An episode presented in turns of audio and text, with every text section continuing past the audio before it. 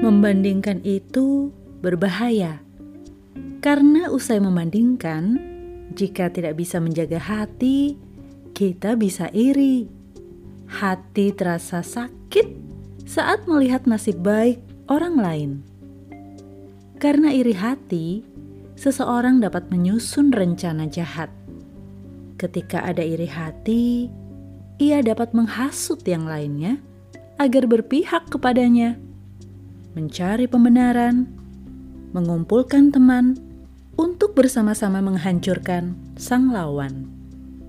Iri hati dan mementingkan diri sendiri akar dari permasalahan.